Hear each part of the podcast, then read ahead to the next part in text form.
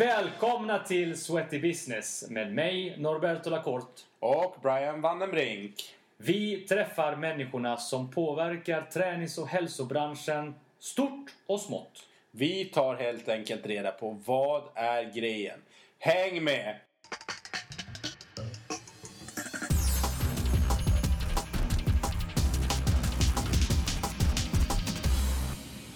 Alright, då är vi äntligen på plats. Idag i Jönköping av alla ställen. Välkommen Carl Pauli. Tack så jättemycket. Kul att ha dig här. Ja, det är härligt. härligt Du, här. eh, vi pratade lite grann om vad du gör och det är ju många olika saker men i första läget så är du coach. Men du har ju en bakgrund inom gymnastik på elitnivå. Ja. Eller hur? Du är väldigt känd inom crossfit-kretsar. Väldigt. och du är även författare. Ja. Men jag skulle vilja ändå säga att vi kom ju fram till att coach och entreprenör Mm. är ju två utav, om man nu ska ta några titlar som du verkligen kan identifiera dig med.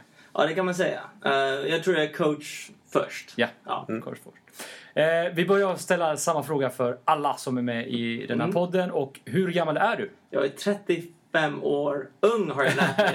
Men eh, jag säger gammal. Du gillar ju att vara, du, vi pratade ju just där att det är skönt att bli äldre. Ja, det är det. Man, man, man känner att man har lite vetenskap och man, man känner sig eh, ja, lite kunnig. Ja. Härligt. Du, eh, din bakgrund. Eh, svenska föräldrar. Ja. Uppvuxen i Spanien. Men var är du född? Jag är född i USA, i San Francisco. Mm. Eller norr om San Francisco, en liten by som heter Greenbrae. Okej. Men jag, jag, jag bodde i Spanien Hur länge bodde du i San Francisco? Innan du flyttade till Spanien? Det var fyra år och så flyttade vi till Ecuador ett år och sen Wow. till Alicante Okej. i Spanien. Ja. Där ser man. Ja. Ecuador ett år också. ja. Vad gjorde dina föräldrar? Varför flyttade ni? Eh, det, de eh, sålde hus. Okej, mäklare. ja, brokers. mäklare. Ja. Real estate. All right. Ja. Härligt. ja. Du, berätta din bakgrund. Jag vet, vi vet ju, eh, vi som har följt dig vet ju att du har en gymnastikbakgrund. Mm. Men berätta, hur, hur såg den ut? Nu är vi ju i Spanien när du är liten. ja. Så jag, jag började göra gymnastik när jag gick eh, till skolan i Spanien. Och då var jag fem eller sex. Och så började jag med ett litet, litet gymnastikprogram där. Och sen eh, flyttade jag till en eh, klubb som eh, var eh, on track to go to the Olympics. Så det var OS som gällde. Okej. Och då började jag träna ganska hårt och då var det varje dag. Wow. Eh, till och med söndagar ibland. Okej. Och det var fyra timmar om dagen, fem timmar om dagen. Och så efter ett par år så blev jag ju bättre. Mm. Och så började jag tävla. Och så vann jag lite medaljer här och där och, och körde lite i Europa. Och då blev det inget, eh, inget, inget stort men jag var ganska duktig. Men eh, Hur duktig? Eh, Duktig nog att jag var en av de bästa i Spanien i min åldersgrupp. Ja. Och sen hade jag ett par skador i nacken och axlarna och lederna, var, varje led. Och då när jag fyllde 18 så bestämde jag mig, okej nej jag tror inte jag kommer klara det här och hela kroppen gör ont och jag, jag, jag bestämde mig för att uh, retire och så ska jag plugga uh, på universitetet och vad så, gjorde du då? och då pluggade jag miljövård. Jag tyckte, ja, det är i framtiden. Självklart. Ja, exakt. of course. och, eh, och, och, men, men när jag pluggade på universitetet då hittade jag wakeboarding och snowboarding och det var jättekul. Det tyckte jag var helt fantastiskt. Och, och det var härligt att se att all, all min träning i gymnastik Ja. verkligen uh, transfererade liksom över till, Exakt. ja, till sporten. Och det, och det kändes jättebra. Så gymnastiken eh, gav dig en inkörsport till de här sporterna och på grund av att det helt plötsligt så upptäckte du att det var, det var ju lättare för dig att lära dig det än det kanske hade varit exempelvis för mig som aldrig har hållit på med gymnastik. Exakt, det var, det var lätt att göra en volt och ja, Just det, även fast du hade en wakeboard på Exakt. Liksom. Ja, men det var bara kul och det var Ja. annorlunda och det var liksom ingen så här speciell teknik man skulle använda och, och det var ingen... eh, Men du måste ändå gilla the rush, liksom. Ja, det var kul. Adrenalinet i det. Ja, det känns ju, det är ju helt eh, otroligt att, att vara på bergen eller... Mm. eh, ja.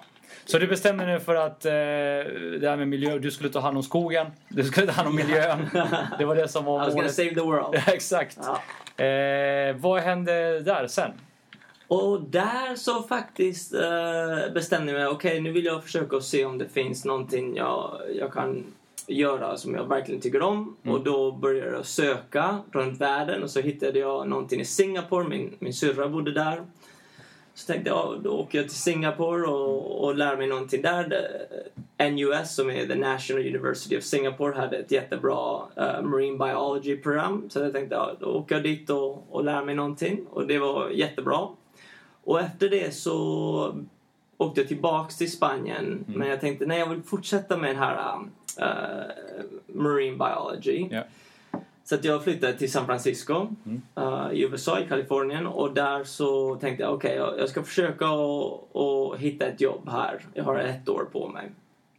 Men Okej. det var bara ett par månader in så märkte jag att nej, det här är inte min grej. Jag, jag vill göra någonting annat. Ja. Då tänkte jag, jag blir skådespelare eller något sånt. Men eh, då blir jag eh, något annat och jag tänkte det skulle vara lite kul att prova att bli skådespelare. Right. Men det är inte för att jag ville göra, vara skådis. Det var någonting med att uh, um, uh, tell a story. Va? Ja. Som, för att man, när man ser på en film så, så man, man kan känna mycket och man kan lära sig mycket. Jag tyckte det, det kändes intressant. Ja. Och det var någonting med media där som jag kände var viktigt. Så att jag ville... Ja, På vilket sätt känner du liksom att media var viktigt? Var det viktigt för dig själv och din karriär och för att liksom kunna göra det du vill göra och nå ut med ditt budskap? Var det det du... Eller? Jag har alltid känt att jag vill, jag vill vara... ehm, jag, jag kan vara en person som kan prata till många. Inför andra, ja. Mm. Och, och genom media, eh, tv eller radio eller vad som helst så Mm.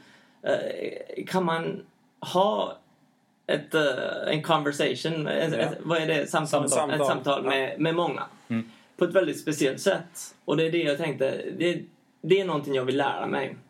Men så fort jag gick in på den världen och började audition och, och grejer så tänkte jag ah, det här känns inte bra. Va? Det, det var någonting som kändes fel. Jag, jag kände mig inte, det kändes inte rätt. Och eh, samtidigt så hade jag ju börjat träna gymnastik igen och jag började träna små barn eh, i gymnastik. Eh, de tävlade inte, det var bara eh, för skoj. Ja. Men eh, det var någonting med fitness där som var viktigt också. Mm. Och det var då jag hittade eh, Tony Horton och Ja. Beachbody och alla de här grejerna. Jag tänkte eh, det är någonting där som är eh, speciellt. Mm. Men det, det kändes inte rätt. Och det var där marketing och allt det här eh, jag märkte det är viktigt. Man Ja. måste kunna någonting där. Men man måste säga det på ett ärligt sätt. Mm. Och det måste finnas en väg um, så man kan göra lite annorlunda. Beachbody. Om Mm. vi förklarar lite grann vad det är, för jag tror inte det är så många i Sverige som har koll på det. Eh, men om jag förstår det rätt så Beachbody blir ju stort genom infomercials, Mm. alltså det vill säga tv-shop. Genom att sälja, det började väl med CD-skivor en gång i tiden och, och nu finns ju andra digitala kanaler. Men det är ju olika träningskoncept, eller hur? Ja. I grupp. Mm. Eh, och egentligen den största konkurrenten till Les Mills i eh, USA just nu. Eh, Les Mills som har Body Pump och Body Combat och liknande koncept. Exakt. Det stämmer? Ja, det stämmer. Ja, bra. Det stämmer. Då har vi klargjort det. Och det är inte det jag ville vara. Jag vill inte vara Tony Horton. Men jag visste att det var någonting som var viktigt om att kunna media och kunna eh, skicka ett meddelande som var ärligt. Som kunde verkligen hjälpa folk bestämma sig vad som var rätt för för, för, för, för dem. Liksom. Mm. Inte för, för, eh, för Tony Horton eller för mig själv. Det var, det var, it was about the people. Mm. Det, det var det som jag märkte. Men jag visste inte hur man skulle göra det. Mm. Och var man skulle göra det här. Och det var då jag hittade um, Crossfit. Och det hittade jag genom uh, att vara en personlig tränare på ett gym som heter Equinox. Ja. Och det var där jag lärde mig lite om personlig träning men mycket om att uh, hur man ska sälja. Hur, gick, hur gick försäljningen? Ja, det gick jättebra. Jag, var, jag, jag blev ju number one sales. uh, Wow, uh, grymt. ja. Men uh, det tyckte jag var grymt uh, i kanske en dag. Och sen var det back to reality va. Uh, Man måste ju sälja varje dag. Och man Ja. tänker, vad är det jag verkligen säljer? Är det, är det air? Är det bara luft? Eller är det resultat? Är det performance? Och om det är mer än bara luft, hur kan jag mäta det här? Hur mäter jag att de blir bättre? Är det hur de ser ut? Är det hur de känner sig? Det, jag, jag visste inte. va. Och, och det var den tiden jag hittade Crossfit. Och det, när jag hittade Crossfit då, då eh, insåg jag att okej, gymnastik, det jag kunde, var viktigt. Mm. Action sports, eh, wakeboarding, snowboarding var viktigt. Eh, marketing, media var viktigt. För att eh, en grej som Crossfit gjorde väldigt väl från början var att de hade videos upp på Ja. nätet. På, på sitt blogg. Just det. Och det var det jag var väldigt... ehm, jag kan säga att jag var inspirerad att se, se att det var väldigt enkelt. Det var inte uh, jätteproducerat. Nej. Och jag kunde göra det med Ja. en jättelätt eh, liten kamera. Det behövde inte vara något eh, fantastiskt. Va? Så att eh, allt började liksom komma tillsammans. Mm. Och helt plötsligt så uh, började Crossfit att explodera. Och då hade jag någonting att, säga och det jag, jag sa var väldigt enkelt. Men jag tror folk kände att okej, jag, jag kan vara deltagare i det här. Det, it's for everyone. Ja. Och det var det jag, jag försökte att göra. Hur länge sedan är det här? Detta var 2000... 2006. Det är så pass tidigt Ja. alltså. Det är Mm. tidigt. Hur eh, anmälde du till, till Crossfit Gym eller hur, hur gick det till när du började träna Ja, jag, Crossfit? Ja, Då började jag på San Francisco Crossfit med Kelly Starrett. Och det var första gymmet jag var, jag var med. Och där var jag medlem. Dr. Kelly Starrett. Dr. Kelly Starrett nu. Vi vet ju ditt namn, dig, vi som håller på med Crossfit, vi vet ju vem du är och hela Crossfit-community mer eller mindre känner till dig. Väldigt känd. Väldigt känd.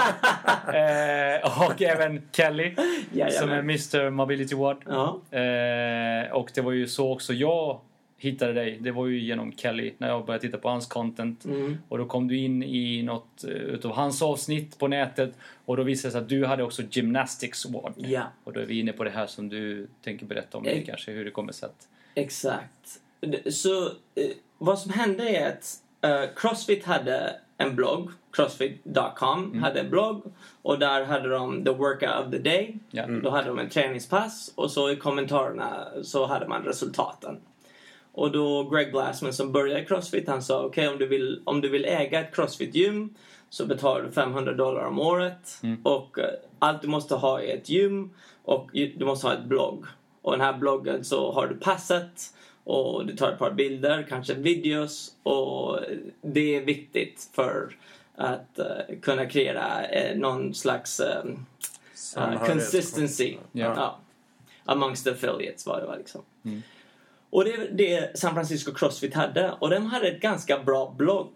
Och det var då Kelly Starrett märkte att okej, det är någonting här som är viktigt som vi inte pratar om. Vi pratar om tyngdlyftning, vi pratar om gymnastics och vi pratar om endurance, springa, ro och, och sådana grejer. Men eh, vi pratar inte mycket om eh, att vara vig och mobile och vad det, vad det verkligen innebär. Så att han tänkte, jag ska börja en daily blogg som kommer att vara en video. Så att det är videoblogging. Och det ska jag göra varje dag. Och, och det, det sa han till, eh, till mig och till de andra coaches där. Och vi sa, varje dag är ju ganska mycket för resten av livet. Hur, hur, hur, kör man det? Men han, han körde på och började mobilitywad.com som vi kallar det. Och, eh, och det var jättestor succé. För att det var the daily va. Just det. When you show up daily, consistency va. Det, det är det som eh, eh, gör att man, man, eh, man set yourself apart. Just det. Man står ut va. Och, och då tänkte jag, okej, det, det här med att ha daily är viktigt. Uh, Crossfit gör det, uh, Mobility Wide gör det och det finns andra som gör det där ute. Men hur kan man göra det på ett sånt sätt så att man kan uh, vara längre? Mm. Jag tror inte jag, jag kan göra en video varje dag och, och göra det i tio år. Jag, jag vet inte hur. Jag, jag kan inte det. Nej. Och det var då jag, jag frågade Kelly, är det okej om jag börjar Gymnastics One? Och försöker göra en, en hybrid av vad Crossfit.com var och MobilityWad.com var. Han sa, kör på! Och då började Gymnastics WAD. Och det var det som verkligen gav mig ja, en röst i, i Crossfit-världen. Just det. För att folk eh, kunde identifiera med ordet gymnastics. Men det var aldrig om gymnastics. Det var- Det alltid om crossfit. Det var alltid om fitness. Det var alltid om att kunna röra sig på ett det. väldigt enkelt sätt. Men blev det succé direkt? Eller, alltså vad pratar vi om? Hur många views? Hur, hur, hur mät, Ja, mäter du det? Liksom, hur mäter man en sån sak? Så det började så här. Det var i november... Nej, det var i juni 2010 var det. Mm. Så eh, gjorde jag en audition för Ninja Warrior. Ja. Då kom Brian McKenzie in eh, med Crossfit Endurance och tyckte det var väldigt häftigt. Och tänkte, tänkte han, jag, jag, jag ska... Ytterligare en, en guru, det är ju endurance, alltså konditionsgurun Ja. inom crossfit kan man säga. Exakt. Och han, eh, han tyckte det var väldigt häftigt. Och han tänkte, nej jag ska, jag ska visa det här för folk. Så att han, han satte det på hans blogg som var crossfitendurance.com. Och det här är en video som du gjorde. Det här var en video jag gjorde. Och då eh, blev det en liten spike va. Den finns på Youtube den för finns på övrigt om man vill YouTube. titta på den. Ja. Jajamän, Ja. den finns där. Och så eh, efter det så, då var det lite recognition va. Då, då folk, Folk börjar började- känna igen dig. De börjar känna igen, aha han är Ninja Warrior-killen. Ah, Okej. Okej. han Vi klarade länk- inte sig på Ninja Warrior, men Du- hans audition tape. Vi länkar, länkar den här på vår Facebook-sida verkligen. så kan man Absolut. kika på den. Gör det. det. Ja, det är lite roligt.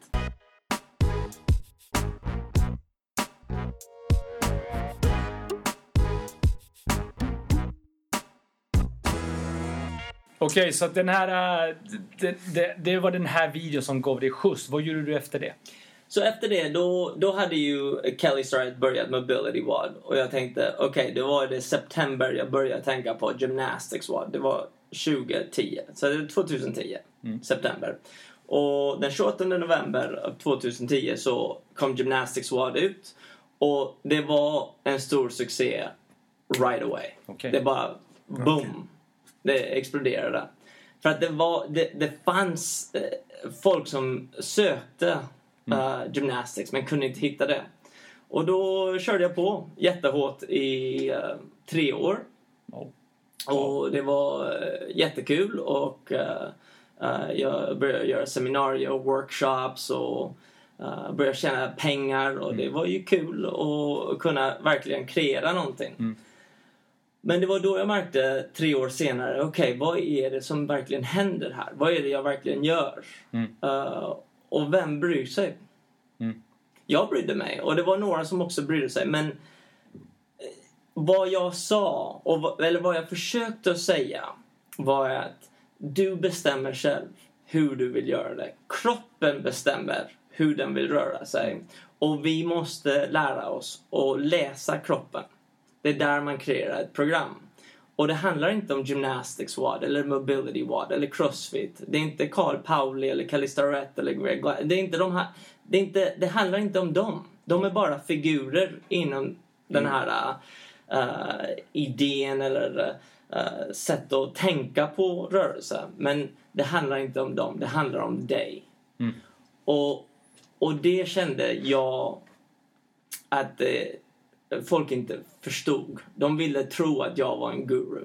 Okej. Men jag var bara en eh, 30-åring. Du känner inte dig bekväm i, i den beskrivningen av dig som någon slags gymnastics-guru liksom? Nej, det, jag, jag kände mig inte det för att jag, jag kände att det var liksom... Det kändes rätt och jag, jag hade kunskapen. Jag, jag kunde eh, lära ut de här grejerna. Men jag ville inte vara idolized va. Okej. För det, det var inte anledningen. Och, och alla eh, som kom till mig, som Reebok till exempel, Mm. de ville ha namnet. Hur kan vi få Kalle att köra För att du blev en influencer. Ja, Du hade många följare, Mm. du hade många views. Och det var ju på den tiden var det framförallt din hemsida som man gick in på och kollade. Så att Youtube kom kanske lite det var som en bigrej. Men, men eh, det var ju på din hemsida som man gick in på. Exakt. Mob, eller gymnasticswad.com. Mm. Och, och, och det var ju fantastiskt att det hände och jag var jätteglad att det hände.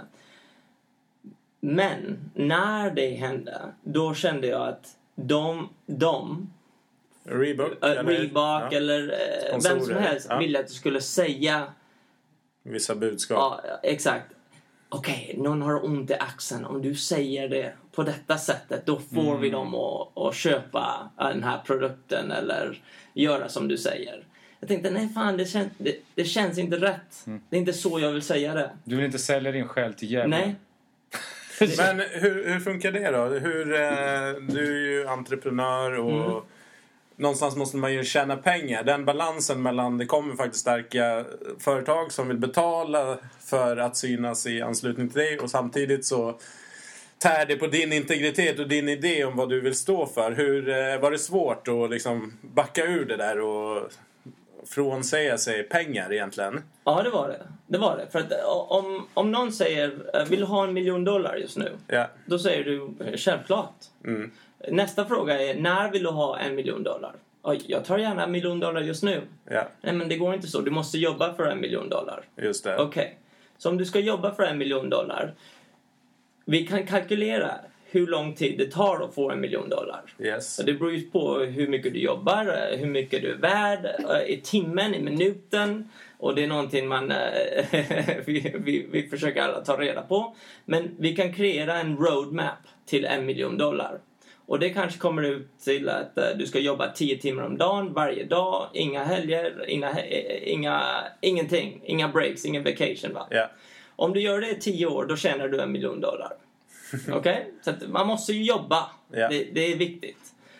Men vad som hände var att det var ju baklänges. Du är värd en miljon dollar. Här är en miljon dollar. Mm. Nu ska du signera det här kontraktet som säger att du får en miljon dollar just nu, men du måste jobba för mig Just det. 10 timmar om dagen varje dag. Mm. Och nu blir du slave Ja. Till det här kontraktet. Och vi vet att vi förändras varje dag. Och vi känner oss annorlunda. Och uh, vårt meddelande eh, tar olika former. Och eh, det måste finnas någon evolution. Så att man måste förbereda för det. Just det. Och det är det som händer i världen av influencers. Att det är lätt att köpa de här influencers. Uh, till exempel igår kväll så hade jag någon som uh, uh, skrev till mig på Facebook och sa Du, jag vill köpa din uh, Gymnastics Wad Facebook page. Här är 50 000 dollar. Ja, sälj skräpet, tänker man va. Men sen så tänker man om det är verkligen 150 000 personer, eller 200 000 personer som är på Facebook page Gymnastics Wad. Vad är det man... Är det jag som säljer det eller är det de som säljer det? Just det. Och, och var går de pengarna? Om jag får de här pengarna, vad ska jag göra med de här pengarna? Och hur mycket eh, ska jag förklara för folket som är, är medlem på Gymnastics Wad? Som inte riktigt finns längre. Det finns, men det är inte någonting jag är aktiv på. Så Hur, det kän- hur, ja, hur förklarar man det? va? Och det är det jag jobbar på. Eh, så att det finns, eh, det finns massvis med pengar. Och vi kan tjäna massvis med pengar. Jag kan sälja böcker, jag kan sälja program, jag kan sälja kaffe eller vatten eller vad som helst. Tjäna pengar, det är enkelt. Men tjäna det på ett sätt att det är rätt. Mm. Och att man kan göra någonting för mer än sig själv. Det är det svåra.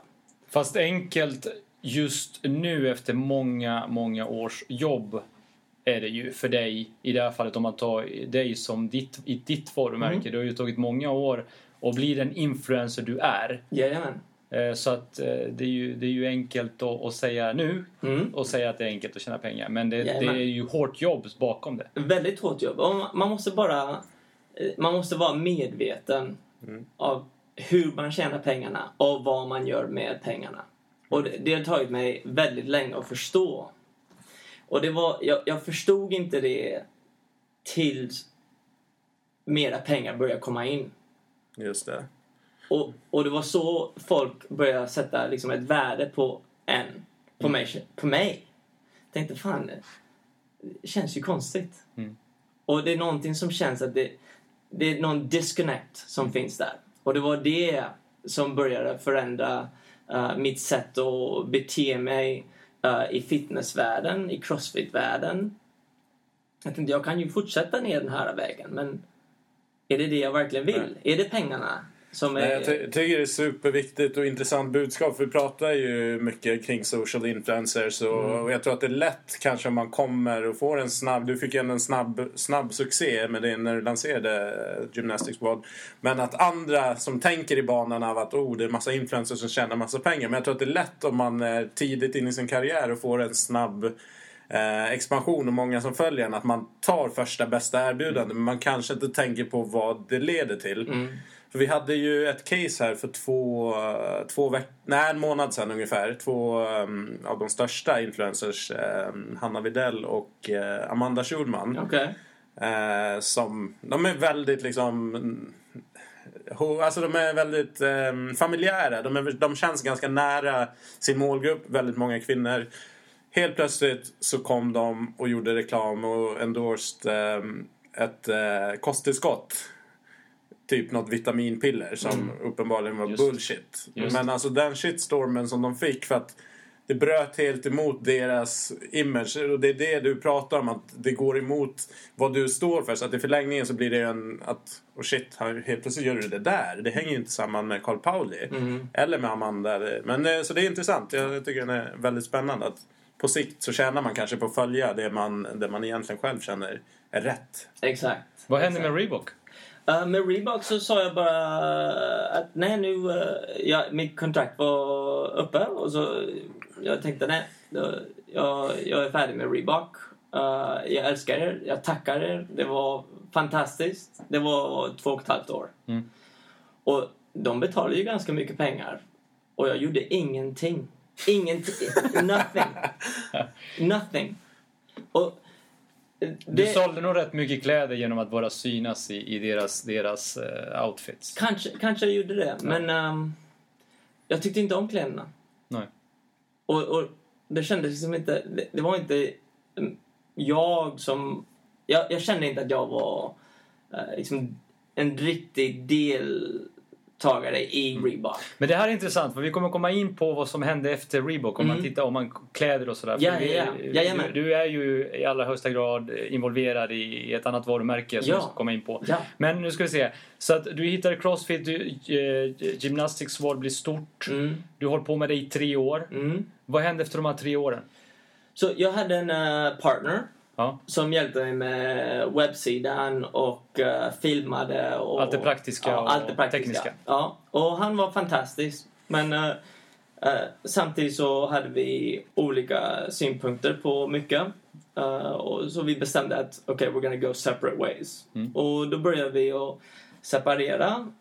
Och det, där märkte jag att okej, jag gjorde, det var mycket fel jag gjorde när jag, vi satte upp kontrakter och jag, jag, jag tänkte inte på sådana grejer. Det var, Jag bara körde på. Jag, liksom, jag ska försöka få det här meddelandet ut och jag kommer göra vad, whatever it takes Ja. to make it happen. Och då började jag separera och det kostade mycket pengar. Men då märkte jag att pengar var bara ett, eh, ett språk. Och man måste lära sig att, att tala det språket. Och man måste göra det på ett sätt som är um, compassionate.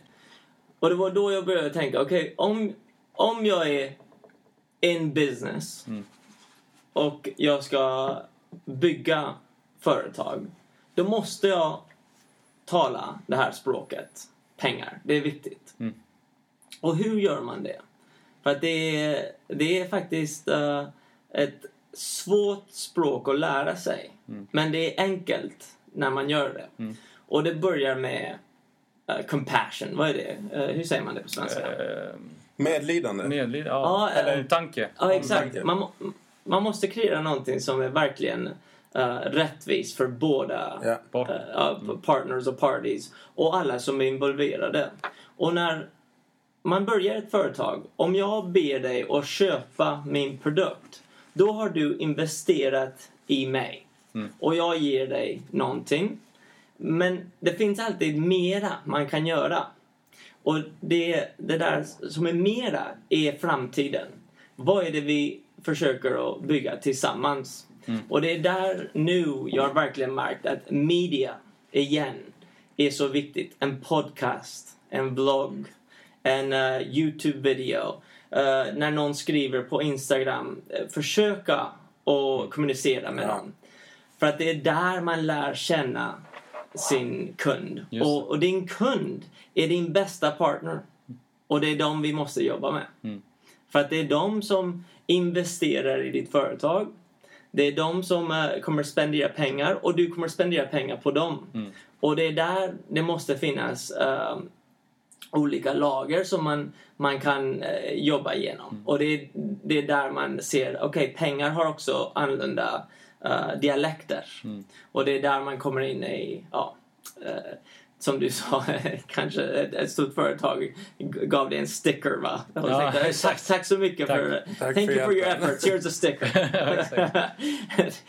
Ibland så, eh, det, då var du säkert besviken. Du tänkte, fan jag jobbade så jävla hårt Mm. För att eh, göra något rätt för detta företaget och allt jag fick var en sticker. Ja, samtidigt så är det så här, samtidigt så har jag en förståelse för det. För det var ju ingenting, det var ingenting vi kommunicerade. Mm. Eh, jag förstod inte vad de förväntade sig av mig. Exakt. Jag tänkte, jag överlevererar. Mm. Jag framförde inte att... Jag, jag var ju inte noggrann heller med att tala om att ja, men bra, men om jag ska göra det här så vill jag ha det här tillbaka. Mm. Och bakgrunden är att när, när Norberto hjälpte ett stort varumärke med, med, ett, med ett jobb och fick Ja. betalt i ett par stickers. Ja, exakt. Och jag fick eh, ett par skor också som jag redan hade. Ja. Men, eh, men, eh, ja, men det, det är ju så här, jag blev besviken men samtidigt så måste jag ändå förstå att kommunikationen brastar. Mm. Och, och, och det är ju viktigt. Och det, och det var det som hände med Reebok. Va? Att, att jag hade alla de här videos på Gymnastics Wad. Och jag fick ju många frågor som var "Ja, hur ska man köra push-up och hur kör jag handstand. Men det var många som frågade vad är det för skor du har på dig? Vad är det för byxor du har på dig? Vad är det för skjorta? Vad är det för kläder? Var, var köper jag den? Hur, hur kan jag få den? Och kanske de tyckte den var eh, cool eller de eh, ville bara vara eh, med i, i gruppen. Ja. Men de ville köpa de här kläderna. Och vad de säger är att jag vill investera i vad du är investerad i. Och om det är Reebok så är jag med på Reebok för att det, det känns rätt. Men när jag inte kunde jobba med Reebok på ett sånt sätt att jag kunde orchestrate detta. styra det Ja, så. ja, liksom verkligen styra det här um, eh, traden, den här eh, teamen, eh, hela grejen. Då, då blir det lite fel. Då blir det liksom, ah, vad, vad är det vi gör? Ni betalar mig massvis med pengar. Jag sätter ut en video. Här är kunden, eller the viewer, eh, tycker om vad jag säger men vill ha lite mer och nu kan jag inte offra dem det. Mm. Erbjuder dem. Ja, då, Ja. ja exakt. Er, er, erbjuder de det. Då, då blir de lite besvikna. Då liksom, ah, so what's the deal? Mm. Så din produkt blir egentligen sämre? Exakt. Jag, jag gjorde inte mitt jobb. Nej. Och då får man betalt för ett jobb man inte gör och nu är kunden besviken. Så hela grejen känns lite off. Ja. liksom. Och det är där man måste hitta full alignment. Och, och det gör ju inget vad du gör. Om det är gymnastik eller crossfit eller eh, eh, kaffe. Det måste vara full alignment for all parties. Och det är där den här eh, compassionate business model kommer in. Men det är lite grann det som saknas idag. För det jag tycker, jag och Brian har diskuterat otroligt mycket det här med att idag så är det ju väldigt populärt att ta en influencer på Instagram eller Facebook eller Youtube eller vad det än är. Och så är det det, det klassiska det att ett företag hittar, en, man sätter sig i ett möte man ett strategiskt möte och så så Åh, de här, de här, de här skulle vi vilja ha med i vårt varumärke för att promota våra produkter och sen så kontaktar man den personen och säger man så här, hej, här har du inte vet jag, 50 000 kronor kan du göra en post Ja. om den här produkten och så vidare. Och sen så är det ingenting mer än så. Det, det, det saknas, det är, ju, det är ju det här tror jag lite grann som du är inne på att den länken däremellan saknas. För, att, för dig som influencer, det gäller att du måste ha en relation. Du måste bygga en relation till de produkterna eller tjänsterna eller de företag som vill jobba med dig. Ni måste ha en dialog, det måste finnas ett, ett förhållande. Som, som sträcker sig bortom från det här med att okej, jag har fått en transaktion i pengar Ja. och jag ska genomföra ett jobb. Ja, men vad, vad, vad ger det mig och vad ger det mina, som du säger, och mina followers?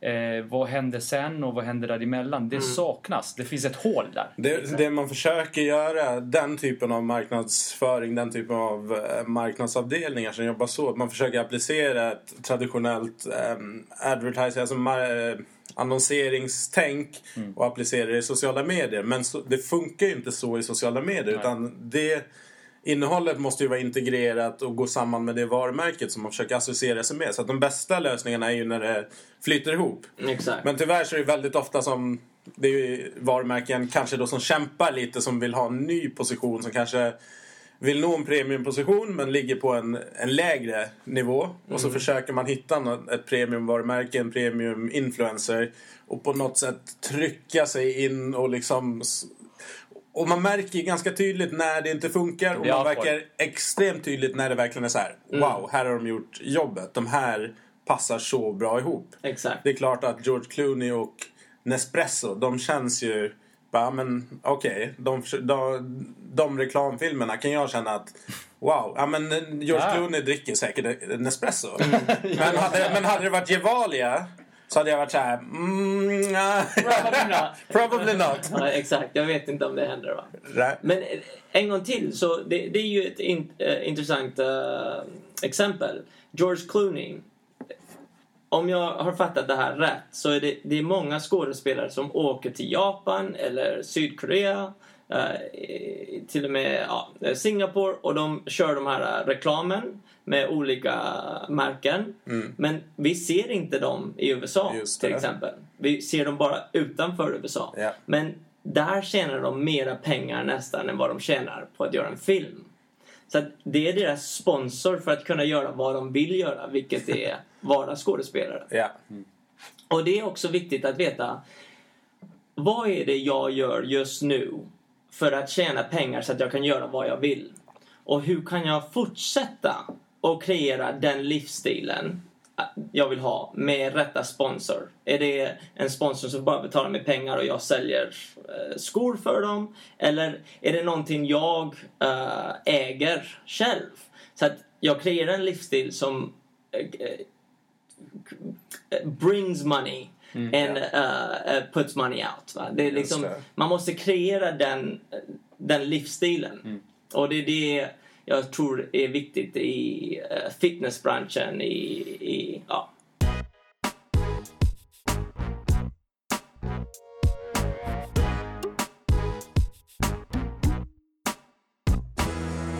Men du, nu ska vi se. För att äger du idag, du äger Gymnastics eh, WAD eh, själv? ja, det gör jag. Ja, så det var det egentligen som det kostade dig en massa pengar att köpa loss Ja. din partner? Ja. Det var det som var grejen. Ja. Men du äger företaget själv idag. Mm. Eh, och- och- har du fortsatt att göra content eh, på samma sätt? Eller hur, gör du, hur gör du content idag? Så eh, vad som hände var jag, jag, jag hade Gymnastics World och när jag köpte Gymnastics World och, och ägde det 100% jag märkte också att nej, Gymnastics är limited och jag behövde mer. Och jag hade ett seminarium som jag ha- hade redan kallat för freestyle som var inom liksom, Gymnastics World-branschen. Uh, men den blev nästan större än Gymnastics World. Och då skrev jag också en bok och den kallade jag för Freestyle. Så att freestyle blev ju grejen. Och då eh, försökte jag att ta reda på vad var nästa steget. Och det kändes som om att okej, nu har jag gjort allt det här jobbet. Nu ska ni betala mig för eh, min content. Ni ska bli eh, subscribers. Så att ni kommer betala eh, lite pengar varje månad och då får du content. Men det var där jag gick fel igen. All right.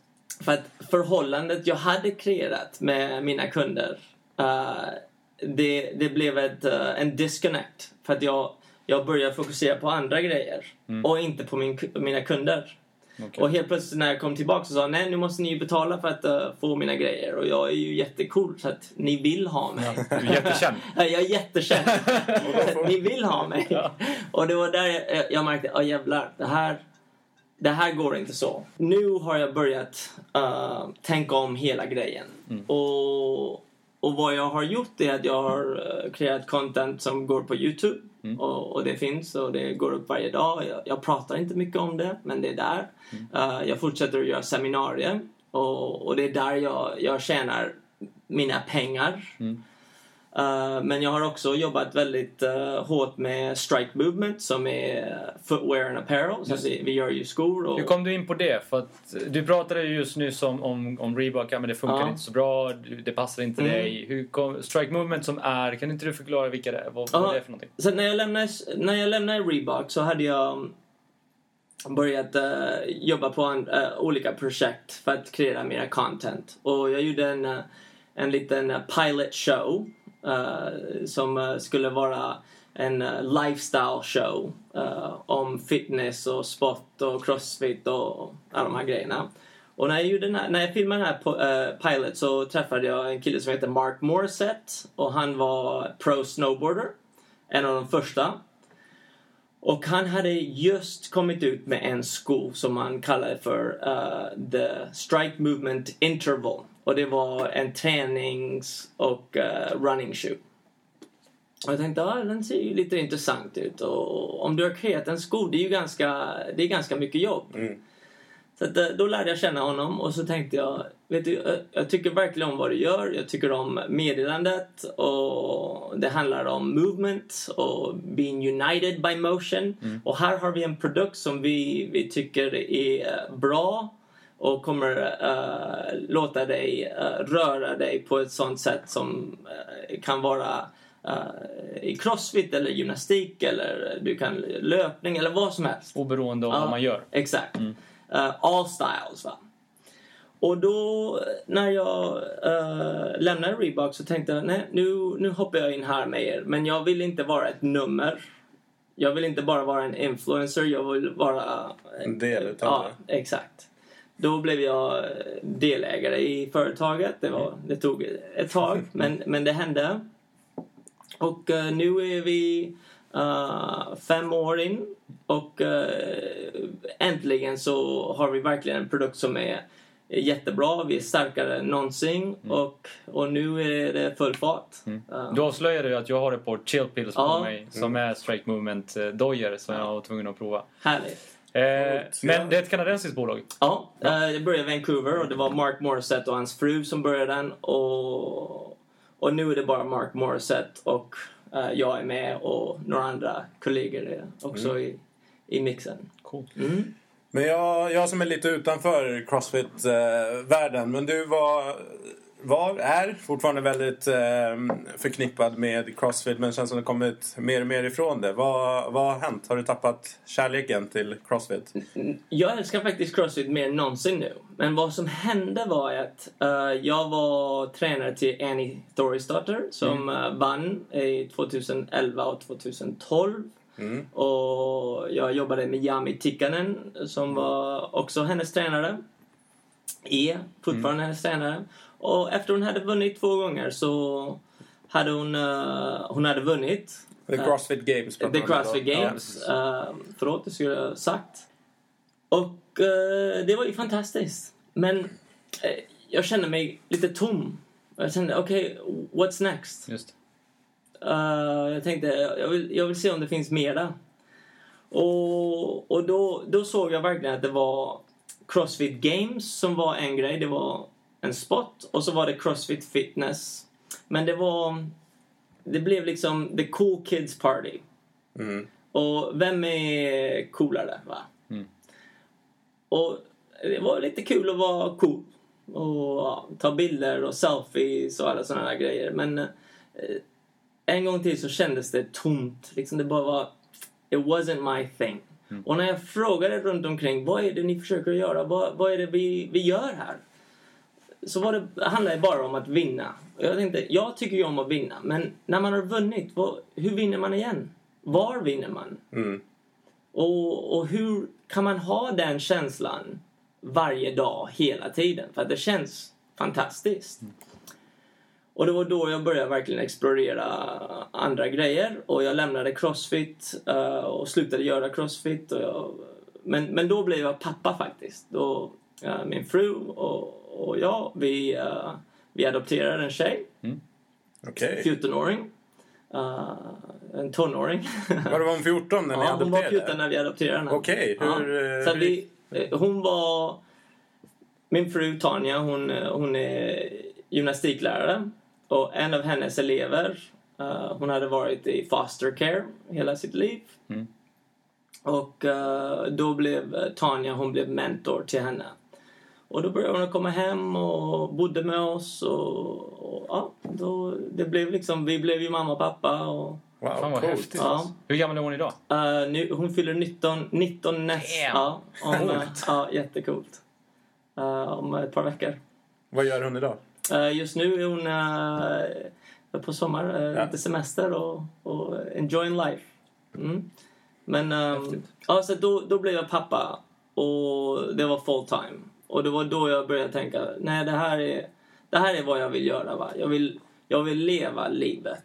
Och jag vill vara med i grejer som eh, känns bra, känns rätt. eh, eh, ja, Följa med utvecklingen av din Eh, dotter, ex- eh, familjeliv och hela exakt, den här grejen. Mm. Och, och då... Jag kom ur form. Jag var inte väldigt bra fysisk form efter det. För jag hade liksom tappat taget där. Jag liksom tänkte, "Ah, jag vill inte göra mera crossfit. Jag vill inte göra... Jag är eh, sick and tired of being the guy, va. Mm. Jag, jag, Du känner att du var tvungen att leva upp till en viss standard, en viss nivå för att du skulle bli tagen på allvar och, och Mm. det blev för mycket? Det var för mycket. Det var för mycket. Och jag kände liksom, jag kan göra det. Men det är någonting som inte känns rätt. Mm. Och det var för att jag inte hade hittat mig själv. Va? Och det var när jag blev eh, pappa som jag verkligen kände att okej, okay, jag, är, jag gör det bästa jag kan. Jag försöker vara en bra person. Jag försöker att lead by example. Och eh, jag är inspirerad eh, av min fru och min dotter och av er som försöker att göra någonting som är lite annorlunda och som känns rätt och eh, explorera eh, olika sätt att och, och make it. Va? Ja. Och, och den processen älskar jag. Och det är det jag vill bara vara med i, i mixen. Va? Så, att, så att från, mer från att vara bara fysisk coach till att vara mer holistisk coach i hur man tänker i affärer, livet. Du är ju lite av en tänkare. Mm. Du funderar mycket. Ja, mycket. Och, och, och tillbaks till Crossfit. Då hittade jag Crossfit igen. Och jag märkte, okej, Crossfit är verkligen min stil, träning som basen. Det måste inte vara Crossfit Games. Va? Men det finns några rörelser som är väldigt enkla och jag kan göra alla dem. Och jag kan tänka på de rörelserna lite annorlunda varje gång. Och, och det är fantastiskt. Och nu kan jag bestämma mig och, och göra lite mer gymnastik om jag vill. Eller wakeboarding eller simma. Idag så sprang jag. Så det är alltid varierat. Och det är kul.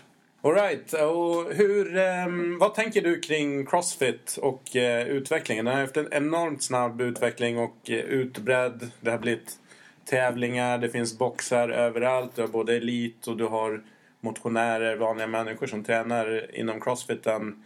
Det känns som den utvecklingen har inte stannat av, men har bromsat in definitivt. Vad, vad tror du är framtiden för Crossfit? Hur kommer det se ut framöver? Ja, jag, tror det, det första man måste förstå är att Crossfit har inte slutat växa. Nej. Det kanske inte heter Crossfit längre. Crossfit var eh, ett namn som hjälpte fitness eh, sätta en ny standard. Det var det, inte en ny men en, en Definiera det. modern standard. Ja. Definiera standarden på ett sätt så att alla kände att ah, okej nu, nu kan jag vara, jag kan vara med i den här gruppen. Men jag måste inte kalla det för Crossfit längre. Så att jag tror vad Crossfit de- vad de håller på med just nu är att försöka att kreera ett program som kommer hjälpa folk förstå vad fitness är. Så att det, det måste vara något slags um, educational program. Det är där de, de eh, kommer landa. Och det kommer vara developing coaches, eh, teachers, eh, business owners. De kommer, de kommer behöva göra hela grejen. va? Hur Ja. kreerar man ett bra, eller det bästa eh, träningsprogrammet och ett ställe som, som kan eh, eh, hjälpa det hända liksom, eller växa. Just det. Och de kommer kalla den branschen för Crossfit, eh, känner jag. Men sen finns det eh, Crossfit Sport som är på andra sidan. Och det är mera performance-oriented. Och såklart, det innebär att kunna göra Crossfit, men det är en helt annan stil. Och eh, det finns ju två vägar där. Vad som kommer vara svårt är att eh, kunna eh, se hur de kommer komma tillsammans om kanske 20, 20 år eller, eller så. Eh, och jag vet inte vad, vad som kommer hända exakt men vi ser ju redan att eh, det börjar att- komma ut andra stilar av träning från Crossfit. Eh, och alla är rätt men är det det bästa? Jag vet inte. Vad jag vet är att någon som Ido Portal Mm. eh, med Movement Culture. Han är någon som är, vi måste lyssna på. Och, och eh, försöka förstå vad han gör. För att han, han är... Han, he's the next thing that we need to pay attention to. Det är så. Ja, det är så. Och, och det kommer kanske vara tio år. För- Locomotion, Ja. movement, practitioner. Locomotion, movement, ja. Det, hans, hans approach till movement är, um, är pure. Okej. Men han kommer, han kommer ha samma problem Crossfit har haft, eller andra martial arts Ja. eh, har haft. Vi kommer alltid ha det problemet. Eh, jag, tror, och jag tror det är därför den här dialogen vi har just nu är viktig. För att eh, det kommer låta oss känna att okej, jag kan investera i Crossfit. När jag investerar i Crossfit så är det... Kanske, jag kanske ska lära mig att vara Crossfit coach. Varför vill jag vara Crossfit coach? Okej, det finns ett par grejer där som är viktiga och inom fitnessbranschen, detta är var den hör och var uh, jag kan göra någonting för mig själv och för andra. Och sen här är Crossfit Sport. Eh, det är performance, det är väldigt eh, narrow specific. Och jag kan eh, också köra det. Men vem är jag i den här kollektiva gruppen? Det är det, det jag tror vi måste titta på. Och jag, jag vet inte vad som kommer hända med Crossfit och jag vet inte vad som kommer hända med Reebok eller Nike eller eh, Strike Movement eh, eller mig själv. Men Nej, jag vet men det är intressant Ja. att höra lite vad du, Mm. vad du tänker. Det är en, jätte, en grej som jag, eller det finns många, jättemånga positiva saker som Crossfit har fört med sig. Men jag tycker det är häftigt att Crossfit har fått upp intresset för så många olika andra träningsformer. Dels Ja, att få in eh, mobility, alltså rörlighetsträning i klassisk gymträning så att till och med de här muskelmänniskorna börjar fundera kring okej jag kanske behöver en viss rörlighet för att kunna göra det jag vill. Men tyngdlyftning, styrkelyft, gymnastik, kondition. Crossfit har öppnat upp ögonen för och väckt till liv egentligen ja, men tyngdlyftning och styrkelyft i, i Sverige i alla fall. I Skandinavien var ju, alltså vem höll på med det? Och sen helt plötsligt bara boom, Ja, jag tror, alla jag tror att företag, svenska företag som Leico, exempelvis ja. är ju väldigt tacksamma att Crossfit kom. Exakt. Eh, det ska de ju Mm. vara klara med. Ja, och, ja så Ja. är det. Vi pratade lite grann, vi kom in på lite grann din eh, träningsfilosofi. Ja. Ehm, vilket eh, vi har kanske fått en ganska klar bild av. Ehm, och du pratade lite grann om hur du tränar idag. Mm. Att det är lite grann, men use your fitness, du gör din grej, eh, vad du känner för. Och det behöver inte vara uh, tokstrukturerat och Exakt. hålla det till en viss form utav eh, eller en viss, eh, ett visst koncept. Ja. Vad, men Core Pauli, Crossfit Core Pauli, vad, vad är det liksom, vad är nästa grej för dig här nu? Är det att nå ut till utanför Crossfit-arenan? Du går tillbaka till din bok lite grann igen Mm. efter några års eh, tystnad kan man ju säga kring Kanske kan freestyle. berätta lite grann om boken. Ja, Ja, ja. kan berätta lite grann om Ja, boken. uh, ja, boken heter Freestyle och det, det handlar om att eh, kunna röra sig på många olika sätt. Men jag använder uh, knäveck och uh, handstand push-ups och uh, burpees och, uh, och muscle-ups på ringarna som uh, en liten bas. Uh, det är som en recipe va, som man kan följa. Men när man har lärt sig de här recipes så, så är det att kunna kreera sin egen. Och det, det är det freestyle handlar om. Det är Okej. verkligen att kunna röra sig på ett väldigt enkelt sätt men som uh, transfereras, liksom transfers to whatever it is you want. Uh, create the lifestyle that you want to create. Och filosofin av freestyle är verkligen accept and respect all styles of movement. Det är det det handlar om. Att uh, be open. Mm. Och lär dig det här språket. Lär dig att tala movement. Och när du lär dig det språket så kommer du kunna kommunicera med dig själv och kunna bestämma att nej, det här gör ont. Det här känns lite konstigt. Låt mig, låt mig uh, förändra ett par grejer och så se var det tar dig. Och det är det, det, är det jag försöker inspirera folk att göra. Så att, uh, framtiden håller ju mina böcker. Mm. Eh, det är tre olika böcker jag tänker på just nu och skriver lite här och där. Mm. Så det kommer igång. Och det kommer ju vara lite crossfit och det kommer vara lite ja, löpning om du vill eller whatever. Jag vet inte. Men eh, det som känns bra så kommer jag göra. Så författarskap, Mm. fortsätta att vara coach, Mm. Seminarier Ja. eh, och sen så har du ditt eh, också företag som Mm. du är delägare i Strike Ja, Movement. strike movement och så eh, med freestyle ska jag försöka att och kreera en media agency som är lite eh, smaller scale, lite mindre i början men uh, det kunna kreera mera YouTube content. Mm. Eh, jag tror YouTube Åt dig själv eller åt Ah. företag, varumärken som vill? Allt möjligt. Eh, Ja. Folk skickar ju mig eh, skickar, eh, ja, hårprodukter och grejer. Jag tänker okej, kanske det finns någonting Varför här. då? Jag- Man undrar Du har ju alltid kepsen på. Ja, exakt. Men, men det, jag, jag får mycket produkter som kommer hem och det är några jag verkligen tycker om.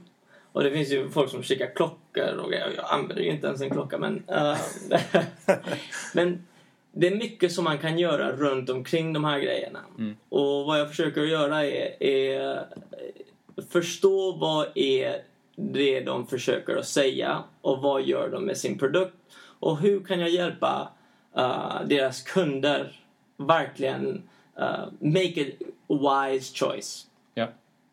Och, och det- är svårt att göra, men det är det jag försöker Ja. verkligen komma till. Och så är det nutrition och andra grejer som är också intressant. Och, ja. Det här är intressant för att vi, vi träffar ju entreprenörer, innovatörer Mm. eh, i, i och kring träningshälsobranschen. Alla som vi träffar gör eller har gjort en massa olika gre- saker. Mm. Vissa saker har misslyckats men de har lyckats med ofta på flera olika områden. Och det känns som ett, en liten gemensam nämnare med de, de personer vi träffar. Att de är multikonstnärer. Mm. Har du alltid haft den i dig att du inte vill vara fast vid en sak att göra utan, eller har det bara blivit så? Ja, det- har blivit så, men jag har alltid förstått att jag är, jag är en I'm a starter, not a finisher. Jag tycker om det här fire, fire, fire, va? Och så, okej, har ni tagit? Ja, nu springer jag nästa.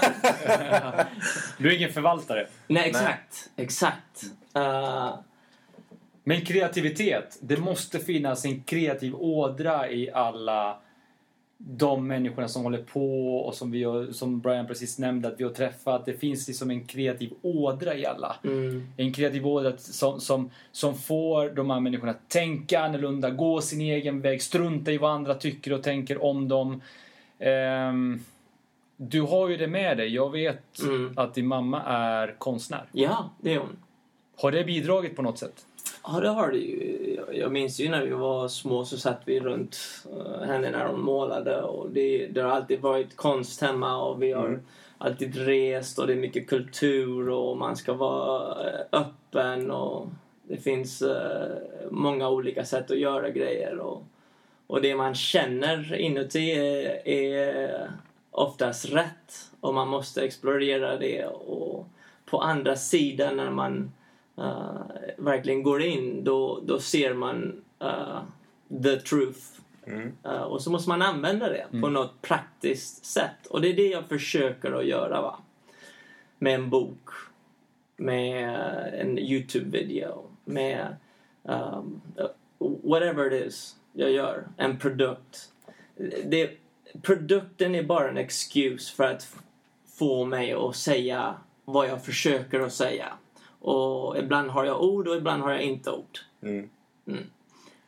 Men det här eh, drivet att, eh, att man kan vara kreativ. Det finns många kreativa människor men de har inte drivet att genomföra saker. Och var kommer, kommer det ifrån? Dina föräldrar var mäklare. Det är ju Mm. också ett eh, yrke. För att vara duktig på det så behöver du vara driven och kreativ för att, för att få saker och ting sålda. Kommer det ifrån uppväxten eller är det liksom... Var kommer det här ständiga? Ja.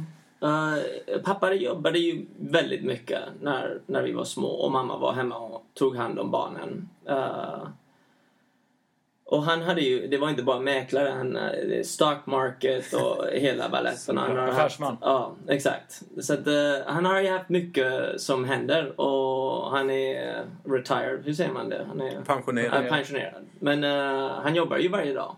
Och han går till jobbet va?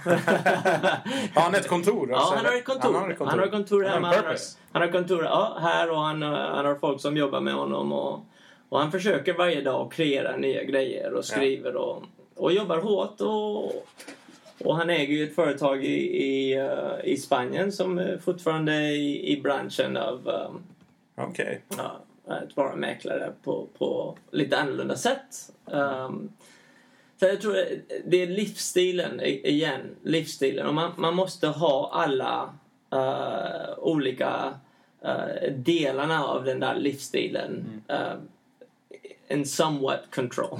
Ja. och, och det är därför det gäller, det, det är viktigt att, att förstå pengar. För att det är ju en, en del. Det är viktigt att ha en kreativ eh, sida. Och det, det är viktigt att ha administration och Eh, marketing och alla de här andra grejerna. Och det är det som eh, låter dig bygga mera.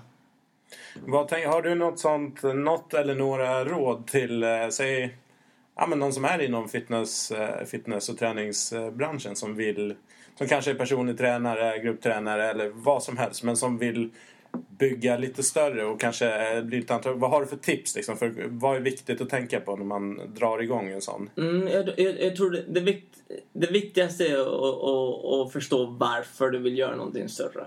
Mm. Vad, vad är det du söker? Är det, är, det, är det pengarna? Är det mera folk? Är det, vad är det du vill ha? Vad vill du ha? Och med det du vill ha, vad är känslan som kommer med det? Mm. För att när du kommer fram till vad du vill ha, då märker du att du bryr dig inte om grejen. Du bryr dig om, inte om den där grejen du vill ha. Det är känslan du får när du kommer fram, eller när du är nästan framme. det. Så det, det är den känslan man måste kreera nu. Va? Mm. Vad är det jag vill känna och hur kan jag känna det just nu? Vad kan jag göra just nu för att känna att jag är framme? Mm. Och när man känner det, då får man uh, uh, clarity. Så att lite börja med målet egentligen. Ja, Att titta vad är, vad är i slutet och sen ta hit det här redan nu och driva Mm. mot det. Reverse Mm. engineering. exakt. För att om, om jag vill vara känd på Instagram, då vet jag exakt vad jag måste göra.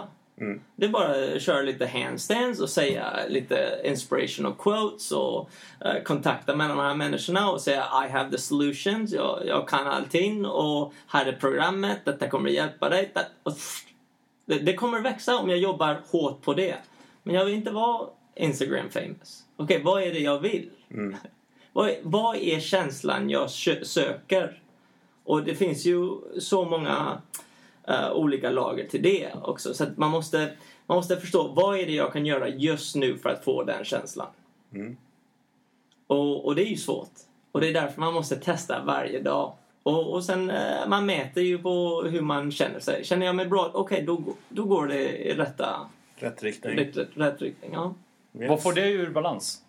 Vad, vad får dig ur balans? Vad får dig att må dåligt? När, när blir saker ting liksom tungt och, och jobbigt? Och när känner du liksom att Mm. vad är det som händer? Är det pengar tydligen är ingenting som stressar dig på det sättet? Jo, jag, jag tänker ju på pengar, men eh, det är inte, jag är inte stressad om pengar. För jag, jag, jag vet, jag kan tjäna pengar, det, det vet jag att jag kan göra. Men ibland så, när, när, man, när, man, när man vet att man kan göra bättre och just nu, detta är allt jag har och det, detta är det bästa jag kan göra. Mm. Då känner man liksom, ah fuck. Okej.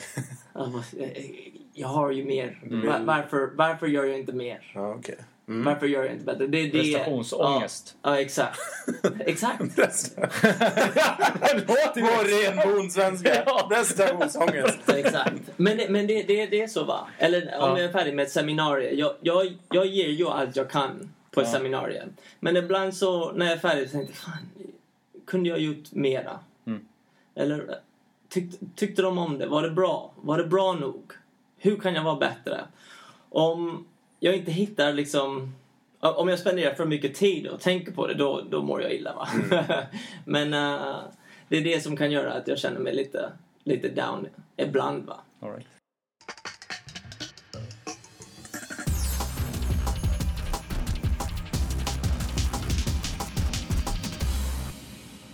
Vi har snackat länge och vi har pratat om allt mellan himmel och jord. Ja. Eh, vi är lite nyfikna på att höra vad du tror rent allmänt, mer brett, vad som kommer hända inom fitness. Alltså vi pratar trender, framtid. Vi pratar lite grann om crossfit men nu lite bredare. Vad tror du liksom kommer bli the next thing?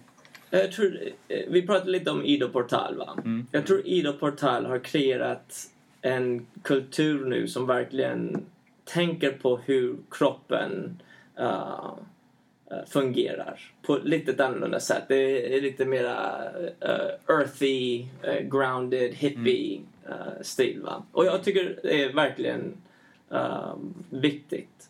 Sen på andra sidan så finns det ju teknologi. Och teknologi är viktigt också. Jag tror det kommer att vara kombinationen av teknologin och någon som Ido Portal och hans kultur som kommer verkligen hjälpa folk förstå hur de kan uh, make better decisions för sig själv. Uh, och, och, och ta ansvarighet för sin kropp. Och inte känna att nej, det är för sent. Nej, nu jag, jag är för gammal. Eller fan, jag, jag bröt benet och, och det är därför jag har ont i knät. Och jag kommer aldrig kunna göra knäveck igen. Nej, men det är ju inte så. Och, och din, din kropp är väldigt smart. Du måste bara lära dig att, läsa den. Om du, om du behöver eh, mäta någonting, så här är teknologin. Om du måste bara ha eh, ett förhållande med din kropp, här är movement culture. Ja. Det, det handlar inte om Ido Portal eller movement culture, men den stilen är väldigt eh, viktig tror jag. Och sen mitt emellan så finns ju eh, crossfit och styrketräning och tyngdlyftning och kettlebells och alla de här olika grejerna. Det kommer vara bryggan mellan teknologin och den här uh, mera uh, purist movement. Men det, det är lite djuriskt. Det är lite mer... Jag menar, för några år sedan så var ju gymnastica natural. Det var ju också en grej som var ganska eller hett och hett, men det kom ju fram. Det är lite locomotion, mjuka rörelser. Mm. Och, eh, eh, frågan är ju hur kommer någon som Ido Portal eller Greg Glassman eller eh, eh, vad heter han med Movenat, uh, Irving, Irving Ja, jag, jag, jag, jag kommer inte ihåg vad han heter just nu. Men hur kommer de kunna vara eh, the best leadership, the best leaders för deras liksom, grupp? Och hur kommer de kunna bete sig när de måste eh, ha ett förhållande med andra uh, branscher eller eh, leaders? Det är det vi måste verkligen ta tag i just nu. En, fr- ja, bara en liten fråga. Mm. För att vi pratar väldigt mycket, när vi pratar träning så är det väldigt mycket grabbar, det är mycket män. Mm. Har du, du som eh, verkar i USA, finns det några kvinnor som är framstående som du känner liksom är på väg framåt? Det är en bra fråga verkligen. Ehm, För att det, det, är, ju, det är ju svårt. Jag har ju Mm. letat eh, och det är ju svårt och, för det är ju väldigt mycket män. Det är Ja. väldigt mansdominerat. Det är verkligen det. Jag, jag, jag har inte tänkt på det så mycket. Uh, det finns ju de som är väldigt... ehm, uh, de har ju uh, stor following på Instagram och Youtube och grejer. Men som håller på och försöker vara leaders. Eh, det finns ju de som, uh, som Biggest Losers som du pratade om uh, tidigare idag. Så Men det finns ju nischer. Alltså, tittar du yoga, pilates. Så Ja, definitivt idag mer- såg jag, vad heter hon, uh, Rakel uh, från Yoga Girl, Yoga Girl. Ja. Mm. Jag såg ju henne på Yes. en magasin idag. Så du har ju några sådana områden där, Mm. där tjejer kanske dominerar på ett, an, på ett annat sätt. Ja, det här är ett Men- sidospår. ja, jag bara blev exakt. liksom väldigt Nej, nyfiken. men den är när vi intressant. pratar så pratar vi väldigt mycket om män och det var därför jag kom in på det. Mm. Ja, det, det var en väldigt bra fråga och det... Jag vet inte, men jag skulle gärna vilja veta. Mm. Jag, Vi tar reda på det helt Ja, enkelt och så får vi återkomma snälla, till det. Snälla, Ja. Grymt. mm, Bra fråga. Bra. Vi... Ja, men det börjar dra ihop sig. Det börjar dra ihop sig. Stort tack för att eh, vi fick komma och hälsa på dig här i Jönköping och Ja. att du ville, tog dig tid att vara med här. Tack själva. Det har varit eh, första någonsin intervju på svenska. Nästan, nästan, nästan hela grejen på svenska. Exakt! Och slutligen var kan man följa dig? Om man vill följa dig i sociala medier eller komma i kontakt med dig, var? Ja, du kan hitta mig Carl Pauli på Instagram, Twitter, Facebook och på Youtube eh, är det Freestyle Connection och så freestyleconnection.com uh, och, och det kommer ha en ny hemsida snart och det, det kommer. Ja. Fast, fast vill man boka dig och strukturerat så är det din fru som tar hand om det. Ja. ja. Freestyle Seminar. Ja, tack så mycket. Ja, Tack som fasiken. Eh, Tack, tack själva.